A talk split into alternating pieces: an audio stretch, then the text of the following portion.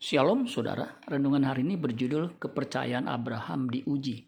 Kejadian 22 ayat 1 dan 2. Setelah semuanya itu Allah mencoba Abraham. Ia berfirman kepadanya, Abraham. Lalu sahutnya, ya Tuhan.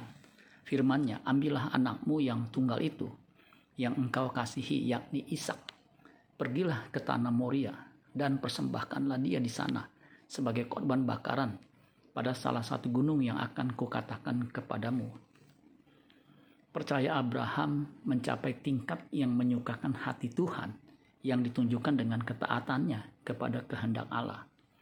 Kejadian 22 ayat 3 dan ayat 10 sampai 12. Keesokan harinya, pagi-pagi bangunlah Abraham. Ia memasang pelana keledainya dan memanggil dua orang bujangnya beserta Ishak anaknya ia membelah juga kayu untuk korban bakaran.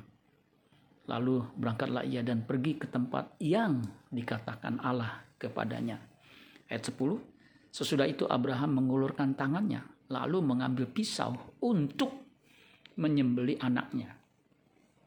Tetapi berserulah malaikat Tuhan dari langit kepadanya, Abraham, Abraham. Sautnya, iya Tuhan. Lalu ia berfirman, jangan bunuh anak itu dan jangan kau apa-apakan dia. Sebab telah ku ketahui sekarang bahwa engkau takut akan Allah dan engkau tidak segan-segan untuk menyerahkan anakmu yang tunggal kepadaku. Kita yang taat juga harus melakukan seperti yang dilakukan Abraham. Filipi 2 ayat 12. Hai saudara-saudaraku yang kekasih, kamu senantiasa taat.